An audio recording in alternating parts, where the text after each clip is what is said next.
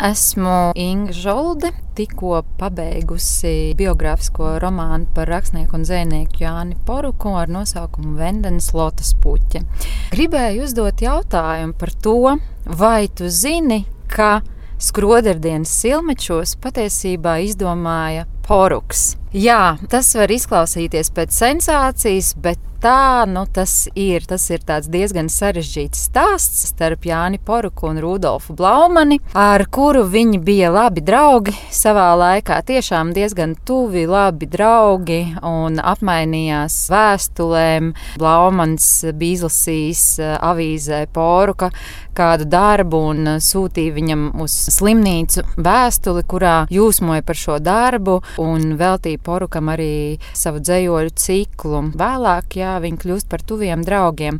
Silmači, tā tad Sila mači patiesībā ir vieta Jāņa Poruka dzimtajā pagastā, Druvienā, un tas ir tāds neliels māju puduris, kur, ja nemaldos, kopā bijušas aptuveni septiņas mājas, tātad šie te sila mači, kur arī tagad mūsdienās ir skrodardienas ilmečos atvērtā brīvdabas skatuve, kur tiek spēlēta šī izrāde, kur ir muzejs, un kur arī centrālu vietu patiesībā ieņem Jānis Poruks, Jāņa Poruka ka ģimene tur stāv. Bet tā tad, kā tad bija īstenībā ar šo stāstu, kas būtībā izbeidza šo abu latviešu dižgaru literatūrā savstarpējo draudzību? Varbūt tas ir nedaudz mīts, mazliet arī pārspīlējums.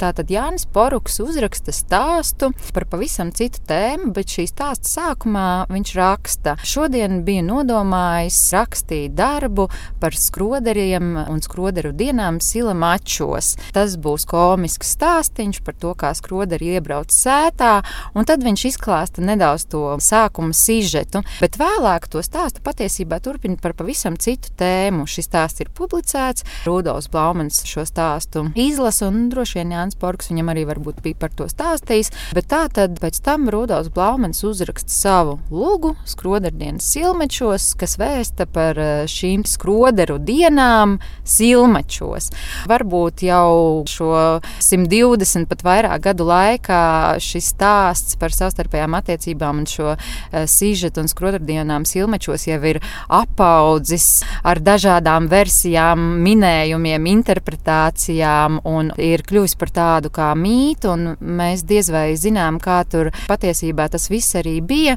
bet Porks vēlāk šo darbu neuzraksta. Viņš sadusmojās uz Rudolfu Blaumani, viņu draudzība atsāca atsalst. Protams, ja viņš būtu šo stāstu rakstījis, tas būtu pavisam cits stāsts nekā Rudolfs Blaumans to varētu uzrakstīt. Jo tas veids, kā Blaumans rakstīja šo savā komēdiju vai tautas dziesmu spēles, un arī tur ir mūzika un dziesmas klāt rakstīts tieši šai lūgai. Tas, protams, ir divi pilnīgi atšķirīgi rokraksti un pilnīgi atšķirīgi darbi.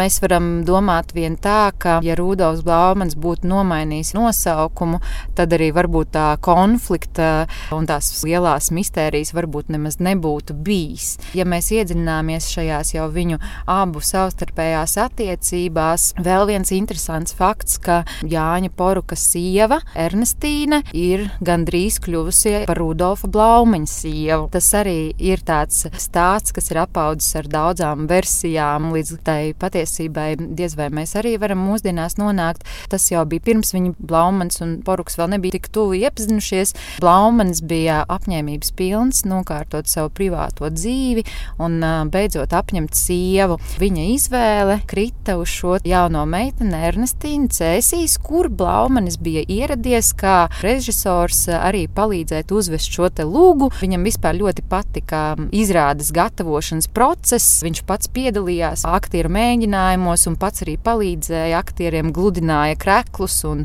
un gādāja rekvizītus un palīdzēja visu nokārtot. Un tur viņa ar šo Ernestīnu, kur piedalās šajā uzvedumā, ir ilgu laiku diezgan tuvi tādā ikdienas satiksmē, un viņš šo jauno skaisto meiteni, kas ir jaunāka par viņu, viņš viņu noskata un mēģina bildināt. Viņš it kā bildina viņu pirmo reizi, un Ernestīna līdz galam to nav sapratusi. Tad Blaumans nāk vēlāk jau otro reizi pie viņas un, un jautā tiešā tekstā, tad jā vai nē.